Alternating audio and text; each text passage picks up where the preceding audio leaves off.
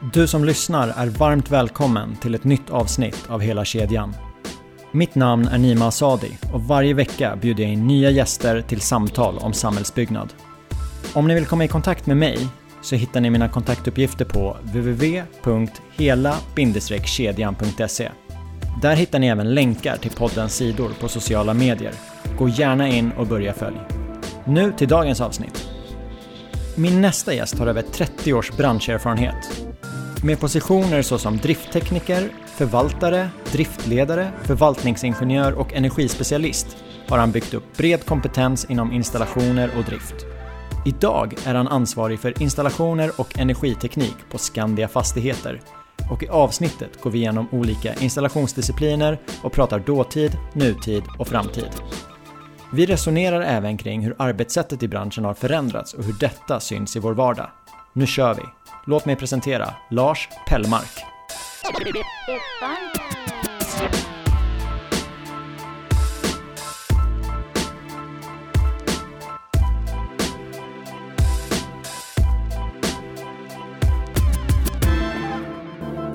Varmt välkommen till podden Lasse. Tack så mycket. Jag ser väldigt mycket fram emot det här samtalet för att det är ett ämne som jag brinner lite extra för. Trevligt. Ja, men vi börjar med att introducera dig för våra lyssnare. Hur hittade du till samhällsbyggnadsbranschen? Jag har nog varit i samhällsbyggnadsbranschen, om vi kan kalla fastighetsbranschen, eller räkna fastighetsbranschen dit, sen skolan egentligen.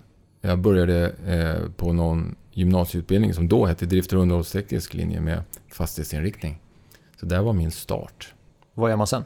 Sen började man jobba på något som heter Byggnadsstyrelsen och var det ett antal år tills det gick över till att bli så småningom Statens fastighetsverk. Och där var jag i väldigt många år i olika roller och nu är jag sedan tio år drygt på eh, Skandia Fastigheter, tidigare Diligensia. Och jag sa det precis till dig innan vi satte på mikrofonerna att jag mm. tycker att du har en väldigt spännande titel. För du är ansvarig för installationer och energiteknik. Det känns ju både kul och brett. Det är det. Jag sitter i ett eh, affärsstöd som heter Projekt och teknik och eh, fokuserar just på installationer och eh, energiteknik övergripande. Och sitter med i en del av våra projekt eh, som lite beställare, eh, kravställare från beställarsidan. Eh, sen är jag en hel del ute i vår förvaltning också. Och det tänker jag att det kommer vi in på lite senare. Men den första frågan som jag vill ställa det kommer nog ta upp större delen av det här avsnittet. Det är 30 år i branschen. Hur har din vardag, hur har installationssystemen i din vardag utvecklats under den här tiden? Det har hänt mycket. Eh, men eh, det jag skulle vilja säga först det är egentligen att själva byggherre, eh, byggherrerollen har förändrats också under den här tiden. Eh, tidigare som byggherre så gjorde man mycket kanske självt med egen personal i egen regi. Eh, nu är man kanske lite mer utav Eh, beställare, eh, utvecklare. Och på det sättet så har också installationerna och installationernas ehm, eh, konstruktion så att säga, eller uppbyggnad också kanske förändrats lite med tiden. Eh, entreprenörer gör på ett sätt, eh, konsulter projekterar på ett sätt eh, och hjälper oss byggherrar egentligen med det. Men är det en följd av att det ställs högre krav idag på processen? Tror du? Nej, jag tror att man i grund och botten tyckte då att det kanske var så att andra som jobbar med det här hela tiden är bättre lämpade att göra det än att man hade en helt egen organisation som täckte alltihopa. Därför tror jag att man gjorde den här uppdelningen en gång. Och utvecklingen har gått åt det hållet. Rätt eller fel, det vet jag inte. Men om vi ser till själva eh, installationssidan, vad som har hänt där på 30 år, så har det hänt fantastiskt mycket. Och för att vi ska kunna beskriva det här på något sätt så tror jag att vi kanske ska ta och dela upp det i sina respektive installationsfack. Så vi får någon form av röd tråd i det här. Sen kanske vi kan hoppa lite fram och tillbaka i alla fall. Men så att vi inte missar någonting helt enkelt. Ja, men jag tycker att det låter som en kanonidé. Och, men det jag skulle vilja höra också är att när vi pratade på telefon inför det här avsnittet. Ja. Då liknade ju du, du tog ju människokroppen. Och så liknade du olika installationssystem med olika delar. Ja, det har du rätt i. Eh, och det är ju lite åt det hållet också. Eh, människokroppen är fantastisk. Där har vi inte som människa varit med och påverkat eh, hur konstruktionen ska se ut. Men kroppen har en temperaturgivare som eh, sköter lite eh, reglering utav kroppen. Vi har lungor som kan liknas med ventilationssystem. Vi andas, vi syresätter oss. Vi har ett hjärta som pumpar runt vårt värmesystem, vårt kylsystem i kroppen i form av blodet. Eh, vi har till och med vatten och avlopp. Så att det finns en liknelse mellan kroppen och husen faktiskt. Och hjärnan, är det styrsystemet då? Eller? Det är nog styrsystemet, det överordnade styrsystemet som idag ofta är, kallas för skada eller som är en skadelösning. Och det tror jag vi kan komma tillbaka till lite senare. Så vilken del börjar vi med? vi kan väl börja med västsidan då. Mm. Med värmen helt enkelt. Eh, och om vi ser till hur det har varit eh, eh, historiskt. Eh, fjärrvärmen kom ju till Stockholm någon gång på 70-talet eller strax innan. När jag började 84 någonstans. Eh, då eldade vi fortfarande oljepannor med tjockolja mitt inne i centrala Stockholm. Där har det ju skett en utveckling att det har blivit mer och mer anslutningar till fjärrvärmen.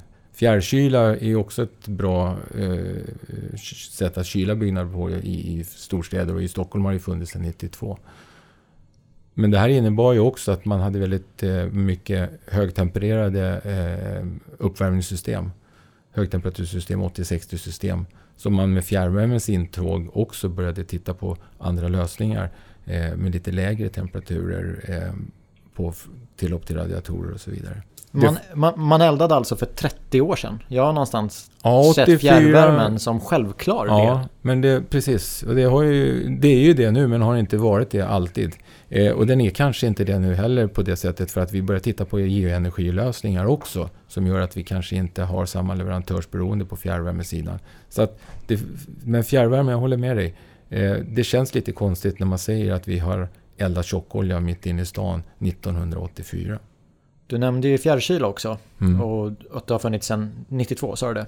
Ja, någonstans runt tidigt 90-tal så kom det till och etablerades i Stockholm och började byggas ut. För det har jag tänkt på. Jag bor i en bostad med fönster åt söder. Ja. Jag tyckte det var ganska jobbigt förra sommaren. Och nu den här sommaren har ju börjat li likadan. Ja. Då vet man att det finns i alla fall ett system som man skulle kunna ansluta till. Eh, det gör man, det, det gör det. Eh, nu har ju kylan på det sättet oftast varit för kontorsfastigheter och inte bostadsfastigheter eh, och flerbostadshus. Utan, eh, jag får öppna fönstret och köpa en fläkt. Du får öppna fönstret. Och det kanske är miljömässigt bäst att göra så i, i, i långa loppet också. Hur, du nämnde värmesystemet, man eldade tjockolja. Hur dimensionerar man ett sånt system? Ingen aning. Men man dimensionerade det antagligen med råge. För att när man gick över till fjärrvärme så visade det sig att många av uppvärmningssystemen var väldigt överdimensionerade också. Eh, vad vi skulle kunna säga mer om, om värmesystemen är att det fanns ju massa olika typer av uppvärmningssystem också eh, på radiatorsidan. Eh, alltså elementen och de systemen. Det fanns något som heter överfallssystem. Otroligt ovanligt. Jag har bara sett det på ett ställe. Det är säkert fler som har sett det på många ställen. Eh, men det var en typ av system. Eh, det fanns till och med ett system med ånga i radiatorerna. Alltså ånga i elementen. Eh, och det har jag också bara sett på ett ställe. Ånga som värmebärare? Ja, du eldar det med en ångpanna i källaren och så skickar du runt den ångan i elementen. Det var en annan typ av element, en annan typ av ventiler. Eh, och då var det lite jobbigt om man fick driftavbrott på dem och skulle försöka starta om dem där och börja trycka på många igen. Då fick man så här ofta vätskeslag, det knäppte och smällde ganska ordentligt i, i huset. Överfallssystem känns ju, jag tänker ju på något, någonting helt annat än ett värmesystem. Ja. Vad är det för något? Det bygger på att man egentligen pumpar vattnet högst upp i huset till en större ledning som sen delar upp sig i olika fasadsektioner. Så får vattnet rinna ner där kan man säga utav sig självt. Och på det sättet så spar man ju lite rördragning. Jag gissar att det var en, ett av skälen att man utformade systemen på det sättet. Men idag är det vanligt med ett rörs eller framförallt kanske då ett tvårörssystem. Ett tillhopp och en retur till varje element. Och hur länge kommer vi se det? Är det något nytt i pipen eller är det här systemet här för att stanna en tid? Mm, jag tycker ju att det är ett bra system att ha det så. Men med allt energieffektivare hus eh, där vi inte har samma värmebehov så kanske det kan komma att tänkas vara andra lösningar än vattenburen eh, uppvärmning via radiatorer. Kanske blir intressant att värma med luft igen? Kan bli så. Det pågår på en del ställen. Usch, då försvinner ju radiatorerna som jag tycker så mycket om. De är snygga. Jag tycker ju det. Det men... finns jättemycket snygga. Gamla sådana här eh, sektionsradiatorer är fantastiskt snygga. Jag tror att vi är ganska ensamma om att tycka det. Men Jag tycker det är häftigt. Det är funktion och eh, snyggt också. Ja. Sen är ju faktiskt eh, vatten en väldigt bra energibärare jämfört med luft. Eh, men är värmeboet inte så stort så kanske det är någon, någonting som kommer med allt energisnålare bostäder möjligtvis. Maximera boyta, det är vi andra glada också om vi kan få bort lite installationer. Ja, man kan ju tycka olika om installationer. En del tycker att det är konst, en del tycker att det är konstigt. Jag tillhör konst. Okej, så det var värmesystemet. Ja. Eh, vi kan ju titta på ventilationssystemet också. Mm. Eh, där har det ju varit där finns ju massa olika system som tillämpas i olika omfattning eh, nu också. Så att, men tidigare var det väldigt mycket självdragsventilationssystem. Eh, sen satte man in frånluftsventilationssystem och sen körde man lite tilluft på det också. Och sen slutligen eh, till och frånluft med värmeåtervinning. Och det är väl där vi är idag. Ja, men jag flyttade in en nyproducerad lägenhet. Den byggdes 2009. Mm. Det var ju bara frånluft, mekanisk frånluft. Ja. Och man klarade energikraven på det. Ja. Men nu när jag har varit hos andra bostadsutvecklare så du, du, du klarar ju inte nivåerna. Nej. Eh, sen har ju då alla systemen eh, olika fördelar. Ett självdragssystem eller ett, eh, som du har då, ett, ett frånluftssystem som du nämner, är, ju ett självdrag med en fläkt på kan man säga. Du tar in luften någonstans i anslutning till ett element eller sidofönster och så vidare. Eh, det är ju eh, ur ett underhållsperspektiv ganska bekvämt. Jag får byta filter vid eh, radiatorerna ja. en gång om året. Det är riktigt. Det är det jag får göra. Ja. Eh, har vi mekaniskt till och frånluft då, då är det en annan systemlösning. Men å andra sidan så kan du ta tillvara på, på, på den värme som trots allt alstras i bostäder och i, i kontorslokaler på ett annat sätt med, om du har ett eh, värmeåtervinningssystem. Men med din erfarenhet av den här värmeåtervinningen. Mm. Vad pratar vi om för procent? verkningsgrad? Ja, alltså det beror också på vilken typ av värmeåtervinningssystem det är. Men om vi tar med roterande växlare så brukar man ju prata att man ligger uppåt eh, en 80-85%. Och dit kan man komma nu också med, med eh, batteriväxlare också. För att man skapar lite större ytor, man har lite lägre flöden igenom i ventilationsaggregatet som gör att man kan komma upp i verkningsgrad.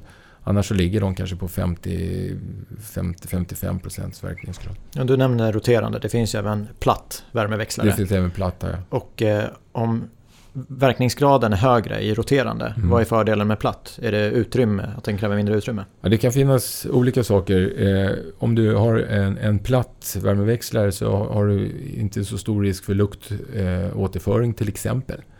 Eh, vilket du kan ha i en roterande växlare. Eller oftast har den en roterande växlare. Så mm. det finns lite olika, olika orsaker till att man väljer det ena eller det andra. Det kan vara installationsutrymmet också som inte medger stora roterande växlare till exempel. Den här risken du nämner med mm. lukt. Mm. Är det en risk om man eh, installerar maskinen och alla anslutningarna by the book?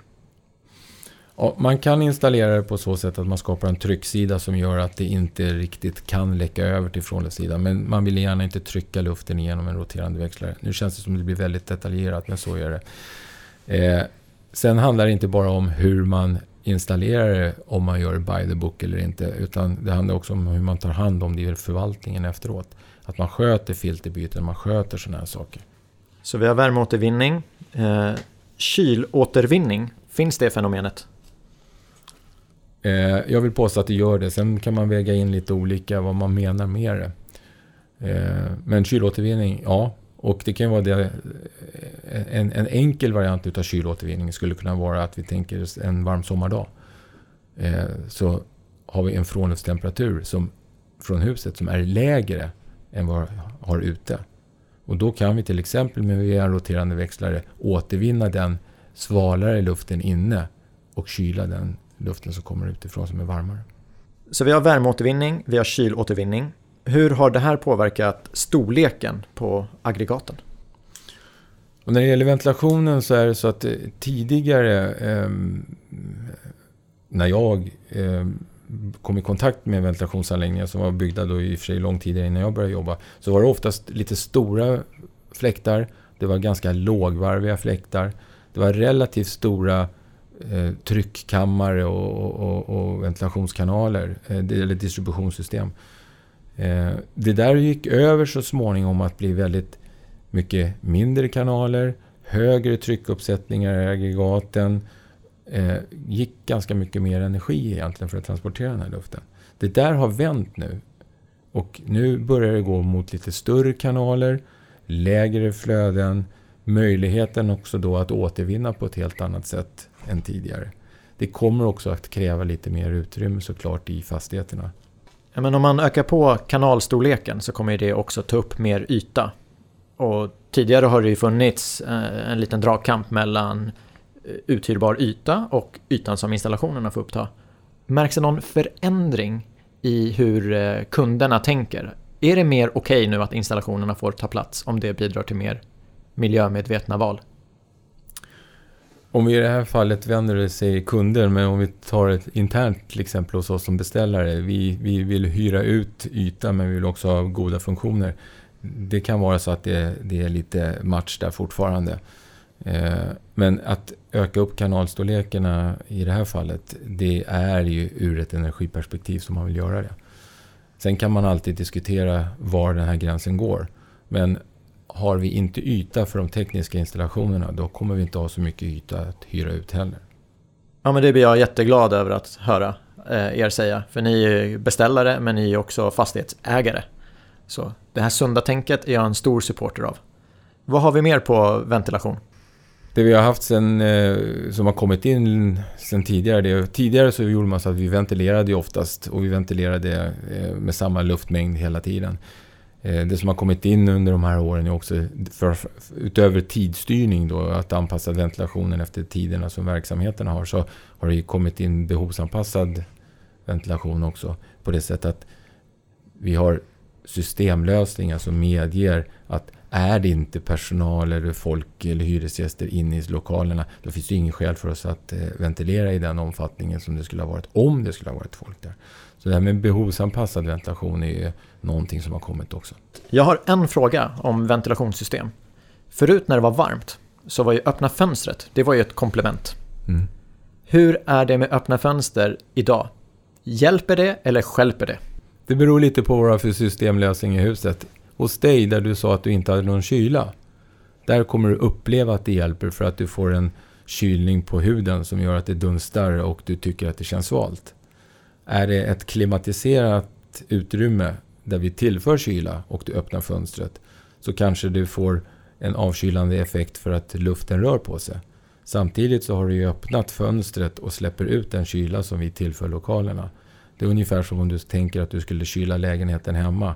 Prova att öppna kylskåpet. Det kommer inte funka att kyla hela lägenheten och dessutom så kommer det bli varmt inne i kylskåpet.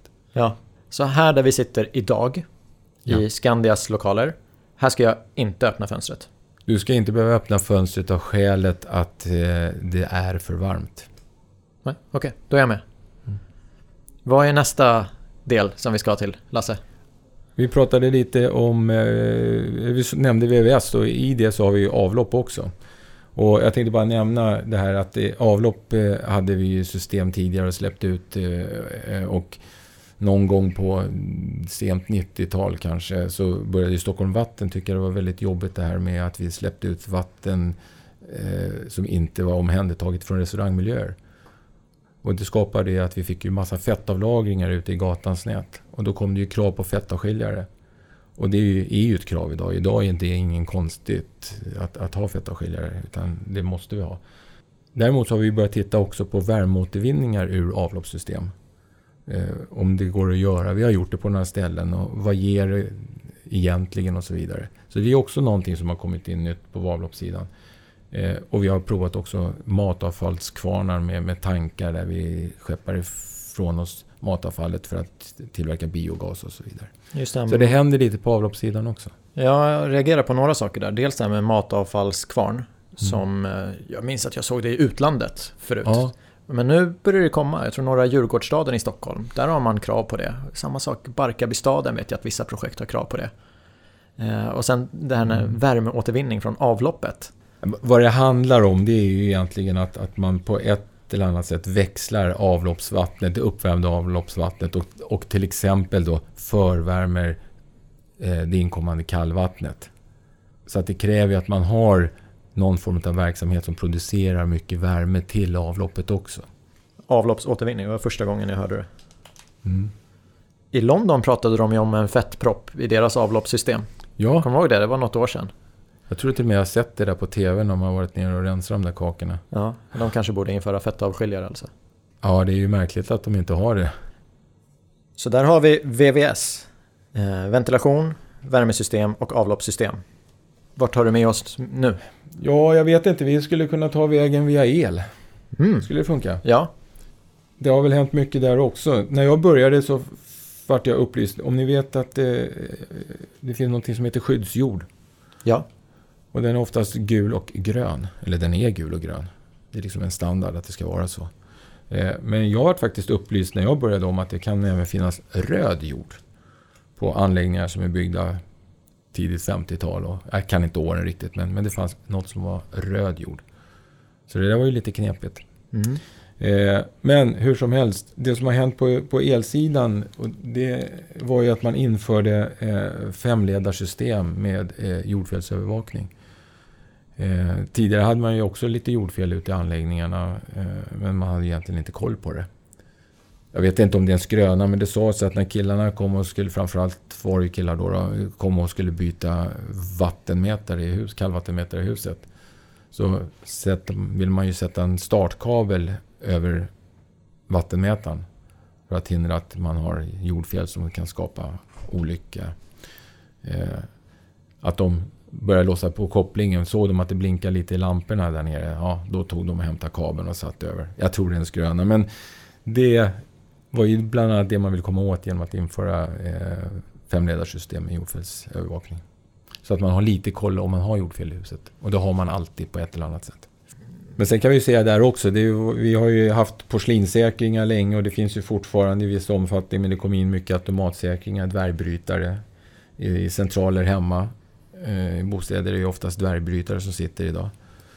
Eh, och där hörde jag faktiskt en, från Elsäkerhetsverket hade man gått ut och talat om att man ville att man skulle informera sina ungdomar som flyttar hemifrån om det är så att de har skruvsäkringar.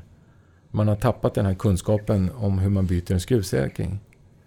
För det har tydligen hänt mer än en gång att när säkringen har gått så har man skruvat ut den och tagit bort porslinkoppen, tagit ut säkringen, tagit fram en ny säkring och stoppat in säkringen i proppskåpet och inte porslinskoppen.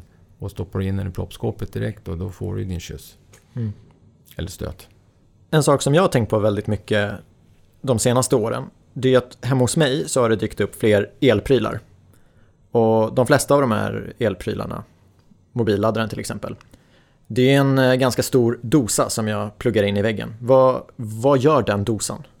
Den dosan är en liten transformator. Den omvandlar eh, de, den växelström som du har i uttaget, 230 volt växelström, till någonting annat som kan driva din eh, apparat som oftast eh, drivs av likström. Det är ju väldigt många av de här prylarna som jag har hemma som har en sån dosa. Förbrukar vi mindre effekt idag? Många av de här apparaterna som du säkert eh, tänker på nu, de har nog inte så stora effekter i sig. Eh, det man kan fundera över lite grann, det är att man har en energiförlust i den här omvandlingen från växelström till likström. Och det är ju mer och mer apparater som går på likström. Eh, ur det perspektivet skulle man ju kunna tänka sig att ha ett växelströmsnät och ett likströmsnät. Och det är någonting som provas på en del håll i lite pilotprojekt. Eh, oftast då i, i kommersiella sammanhang. Och jag tror det är lång tid innan vi är där på bostadssidan. Eh, att vi delar upp eh, systemet i ett växelströmssystem och ett likströmssystem.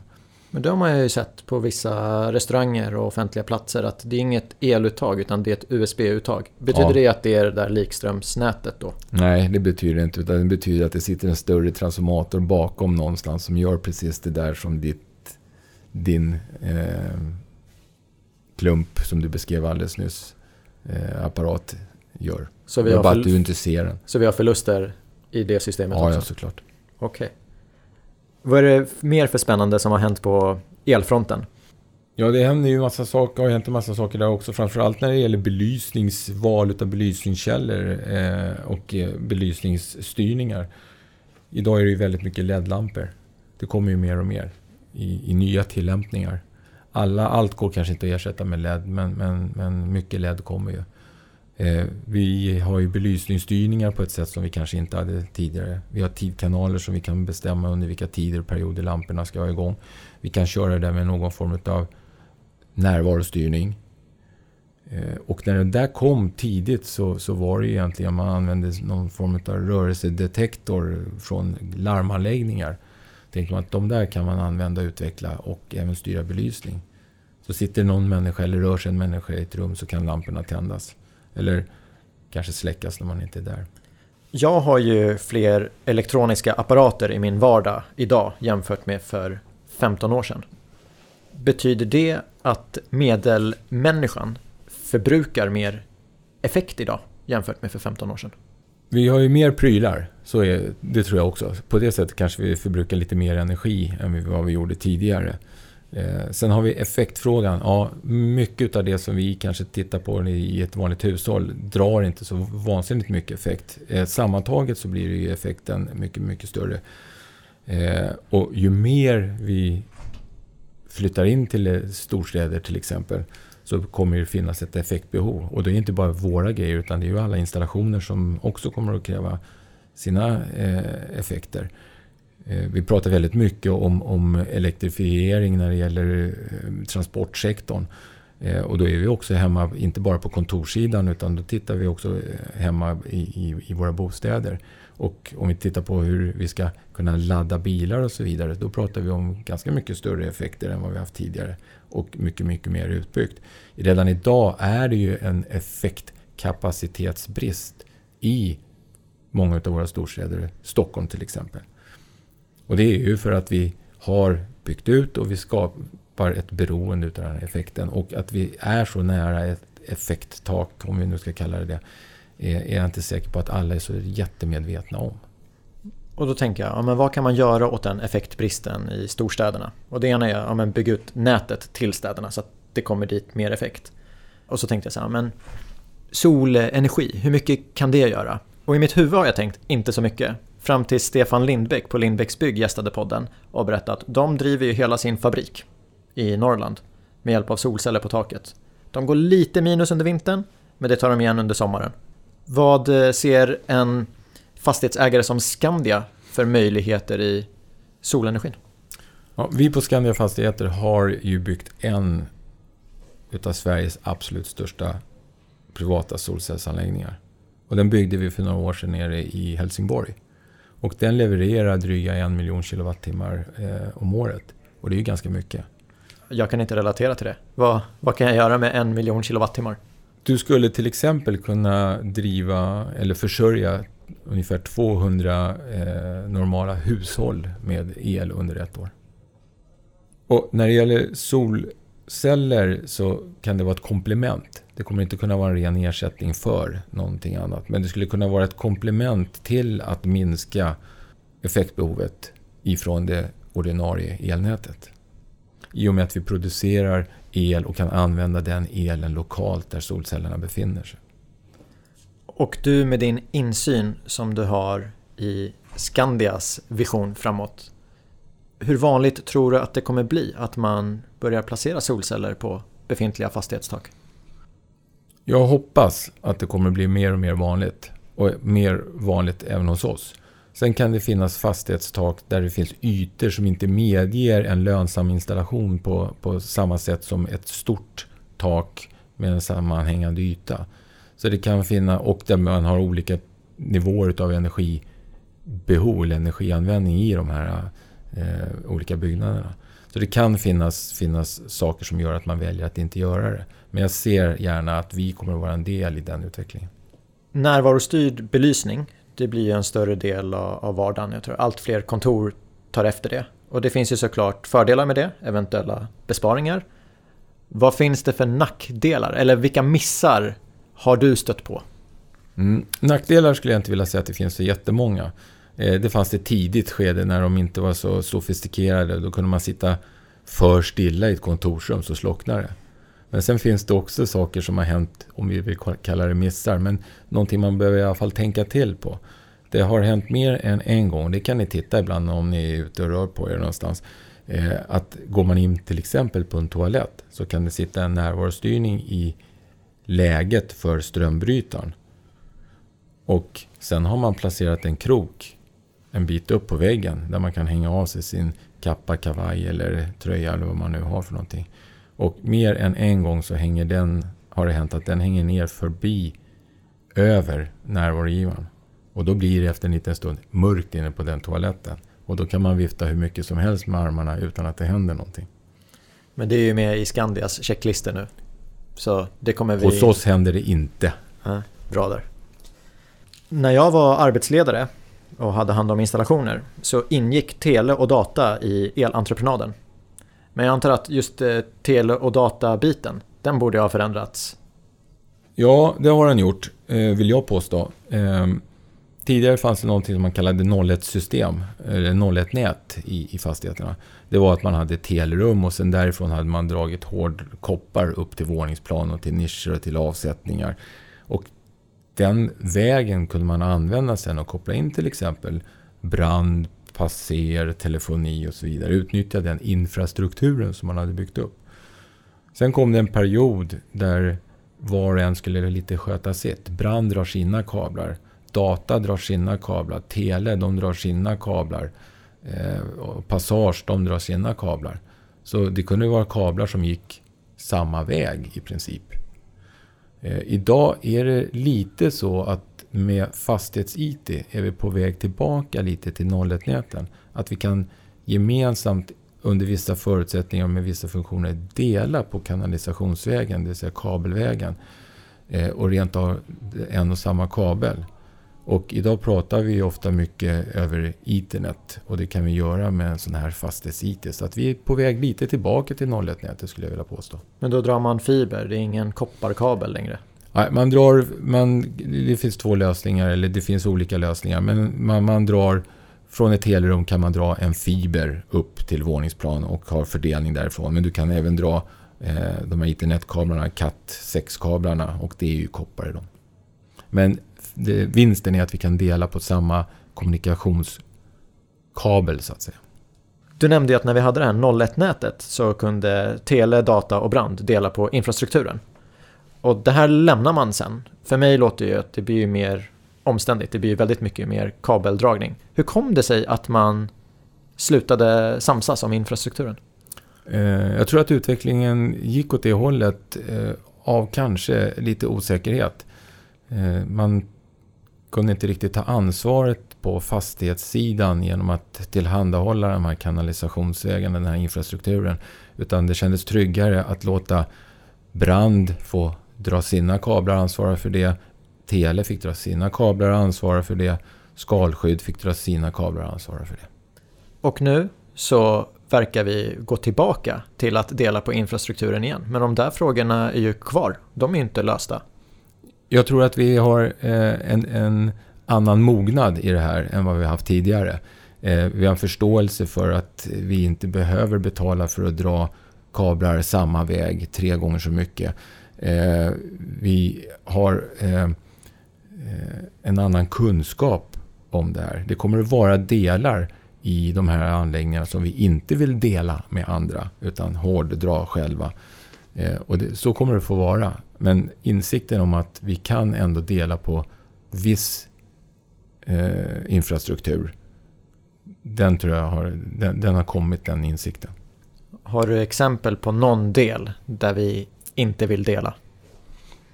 Det kan vara till exempel kabeldragningar i ett skalskydd från larmkontakter eller från öppningsfunktioner och så vidare som man absolut vill ha full koll på och inte vill riskera att den informationen på något sätt ska komma någon annanstans. Ja, så det var tele, data och brand. Ja, eller vi kan fortsätta lite på brand, för det finns en del utveckling där också. Det vart ju lite vanligt för ja, ganska länge sedan då, med att man byggde ut anläggningar i form av rök, eh, i form av värmedetektorer. Och på något sätt delade upp det där i lite olika sektioner och kopplade till ett skåp. Och så kunde man via knappar eller vipper gå och stänga av eller slå på dem där. Och på det sättet så hade man lite kontroll över anläggningen. Eller byggnaden. Eh, sen har ju där utvecklats och nu är det ju mer både värmedetektorer, rökdetektorer och så vidare. Och de är ju individuellt adresserbara och kommunikationsbara också. Vilket gör att du kan hantera eh, den här brandlarmsanläggningen på ett mycket, mycket eh, mer sofistikerat sätt. Hur ser ett kontrollrum ut idag? Är det att i källaren på varje fastighet så är kontrollrummet eller går det att styra från någon central ort? I, när det gäller brandlarmen så är det ju ofta så att de har en centralenhet som står någonstans och så har man en brandkårstablå i, i anslutning till en entré. I vissa fall så kopplar man också upp det här så att man kommer åt det via någon form av överordnat system där man kan eh, manövrera detektorer och så vidare. Men i, i, i det stora hela så har man en central apparat för just brandlarmet någonstans i huset. Oftast i ett telerum. Hissar finns ju i alla byggnader. Tillhör det installationer eller tillhör det något annat? Jag vill påstå att det tillhör installationer. Då får du fortsätta berätta om hissutvecklingen. Framförallt så är det ett transportsystem då för att eh, vi ska kunna röra oss i, i huset på ett bra sätt. Hissar har ju också gått, eh, gjort, en, gjort en teknikutveckling, eh, om man vill kalla det så. Eh, från att ha varit hissar man har kallat på och man kunde med, med knapp lite avancerat sända hissen åter ner till eh, våningsplan man hade klivit ur den. Det där vart ju automatiserat sen så att när man klev ur hissarna så åkte de ner till, till entréplan och stod där och väntade på nästa och så vidare. Eh, idag har det på många sätt gått ännu längre och nu kallar man det både för hel och halvkollektiv.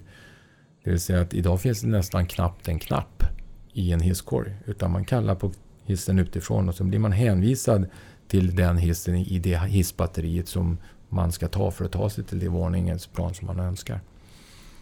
Så att även på hissidan så har utvecklingen gått framåt.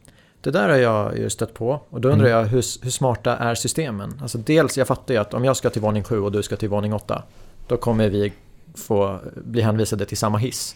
Men tänker den också ut att den här hissen har kört 9000 höjdmeter idag. Nu får vi avlasta lite med den här hissen som bara har kört 2000. Är de så smarta? Jag kan inte riktigt bakgrunden och hur den här algoritmen ser ut, men jag tror ju att det är så att den är optimerad för att eh, öka persontransportflödet just för stunden, mer än vilken hiss som har gått mest. Och det där kan man faktiskt märka ibland om man står på ett hotell till exempel någonstans mitt i huset och tryckt och så ser man hur hissar kommer, men de passerar hela tiden. Och då tror jag att då har vi någon form av hel eller halvkollektiv där. Någonting som styr transportflödet mer än att vi har tryckt på en knapp. Ja, får bjuda in någon hissleverantör senare i serien och prata där. Du får bättre svar då. Kanske. Låt oss ta hissen upp till hjärnan. Som i, med installationsterm kallas för vad då? Ja, styrövervakningssystem, överordnat system, någon form av skadalösning. Och vad är ett styrsystem? Det är ju någonting som finns där, men i många entreprenader på bostadssidan så får ju ja, men ventilation får ta in en underentreprenör som, som löser det. Vad är ett styrsystem? Vad gör det? Vad är syftet? Ett styrsystem, om vi håller oss till en större kontorsfastighet till exempel, så är det så att vi har eh, en massa olika system i form av ventilation, värme, kyla och så vidare. Och de här systemen har vi byggt upp och vi har försett dem med flödesmätare, temperaturgivare och en massa olika funktioner. Eh, vi pratade belysning för tidsstyrningar och så vidare. Allt det här vill vi på något sätt manövrera och ha lite kontroll över. Och då kopplar du oftast upp det till någon form av överordnat system. Eh, idag pratar vi skada. Tidigare var det oftast fabrikantsbundna system. Eh, valde du ett fabrikat så fick du både komponenter, det vill säga eh, givare, ställdom var tvungna att ha samma fabrikat som det här styrsystemet hade. Det luckrades upp efter eh, någon gång på ja, 90-talet. Då började man kunna använda ställmotorer och givare som inte var knutna till själva överordnade systemet. Idag har vi gått ännu längre. Så att nu har vi överordnade system där vi kan koppla styrsystem till och med deras komponenter och så vidare. Så att vi öppnar upp för en helt annan öppenhet. Och de här systemen, de hjälper ju oss att ha kontroll över byggnaden och vad som händer inom och mellan de olika systemen. Och då är jag intresserad, hur har det förändrats sen du gjorde din första arbetsdag med styrsystemen idag? Jag tänker den tekniska utvecklingen har ju varit helt otrolig. Jag kan ju med min smartphone göra saker som jag inte ens kunde drömma om för tio år sedan. Mm. Hur, hur har styrsystemen förändrats? Kan du ta upp din telefon nu och, och släcka fastigheten bredvid? Är vi där än? Ja, vi, har, vi, vi är där egentligen. Det kanske inte är så lätt alltid att bara göra så. Men eh, när jag började, jag hade ju sån otrolig förmån att hamna på en teknikintensiv enhet. Eh, och redan då, 1984, så kunde vi ringa upp eh, med en, en apparat som såg ut som en skrivmaskin med två gummilurar eh, som man la telefonen i och ringde upp. Och sen kunde man koppla upp sig mot ett system. Eh, och jag minns särskilt ett tillfälle och det var när eh, dåvarande statsministern, det här är precis tidigt 90-tal, 91-92, eh, hade någon form av statsbesök. Och de skulle tillbaka till kontoret på Rosenbad. Och de ringer upp mig och säger att vi skulle behöva tända upp belysningen. Och förresten, nu rullar de in framför entrén. På de två minuter som det skulle ta för dem att ta hissen upp till rätt våningsplan så lyckades jag hinna ringa upp, koppla upp mig, gå in och adressera den ducken, dataundercentral som det kallas då i det här sammanhanget. Eh, adressera rätt utgång och trycka till på den, det vill säga slå till den. Och tände visserligen upp hela huset, men det våningsplan de gick av på tändes också upp. Och det var high-tech 92. Jag tycker att det låter jätte high-tech än idag att kunna göra det. Eh, men så tänker jag, du, 92 då var du på en teknikintensiv enhet. Om vi tar nyproduktion idag, om, om Skandia bygger ett kontorshus. Är det standard då att det ska gå att styra det kontorshuset från annan ort? Vi har eh, en eh, jättestor fastighet som vi har gjort byggt här för några år sedan är väldigt teknikintensivt. Och där har vi en skadalösning. Där har vi kunnat koppla ihop ett antal system.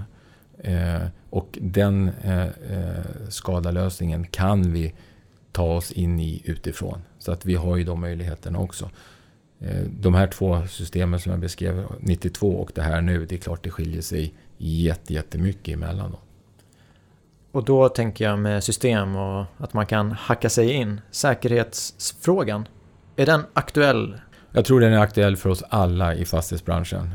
Jag kan inte ämnet tillräckligt bra för att gå in på det, men det är någonting som vi skulle behöva fundera lite kring allihopa. Även om inte vi är en bransch som man vill utsätta, men vi kan ju bli utsatta.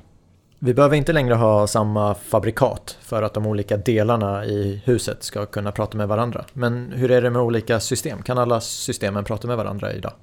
De kan inte det riktigt. Men där pågår ju också mycket arbete att hitta någon form av gemensamt språk. Eh, du skulle kunna likna det vid att du kan, en person kan spanska och den andra personen kan portugisiska. Och det är lite svårt att förstå varandra. Men om vi enas om att prata engelska så förstår vi varandra ganska bra. Den typen av gemensamt språk, gemensamt sätt att kommunicera, den tror jag att vi är på väg till. Och det behöver vi nog vara på väg till för att vi ska kunna ha den här typen av överordnade system framöver. Mm. Och i, i och med IoT och AIs intrång och digitaliseringen som sådan så tror jag att det är en nödvändighet. Hur har det påverkat dig? Nu tog du upp det. IoT, eh, AI, big data.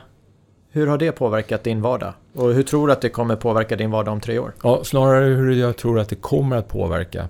Eh, jag tror att det kommer att bli väldigt mycket information som är i omlopp.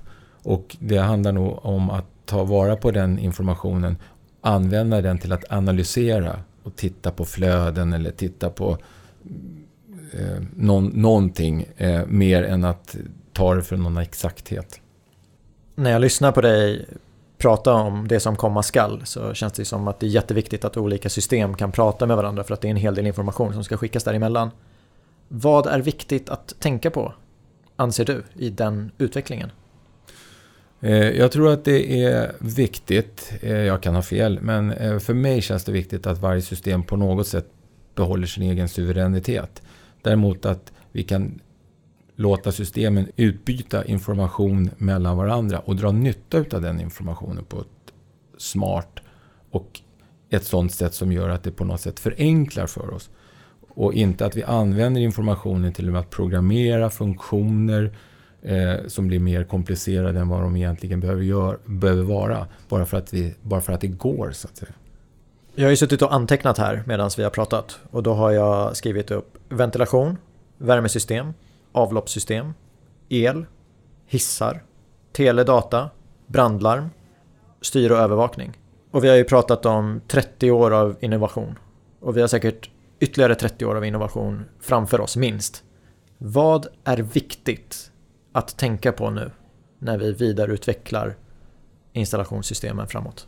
Jag tror att det är viktigt att förstå att allt det här ska fungera även i ett förvaltningsskede. Eh, och därför är det viktigt att de som ska jobba med det här också ser till helheten. Och förstår hur allting hänger ihop.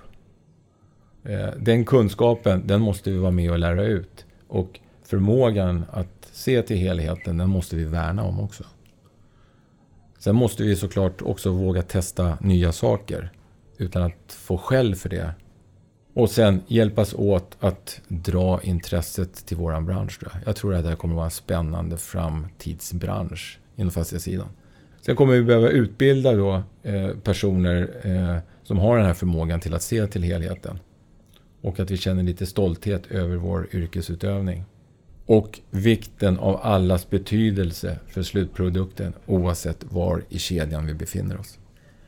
Det här blev en riktig kanonavslutning och jag hoppas också att vi fortsätter attrahera kloka, kompetenta och hungriga människor till den här branschen. Och med det här avsnittet har vi förhoppningsvis öppnat dörren lite.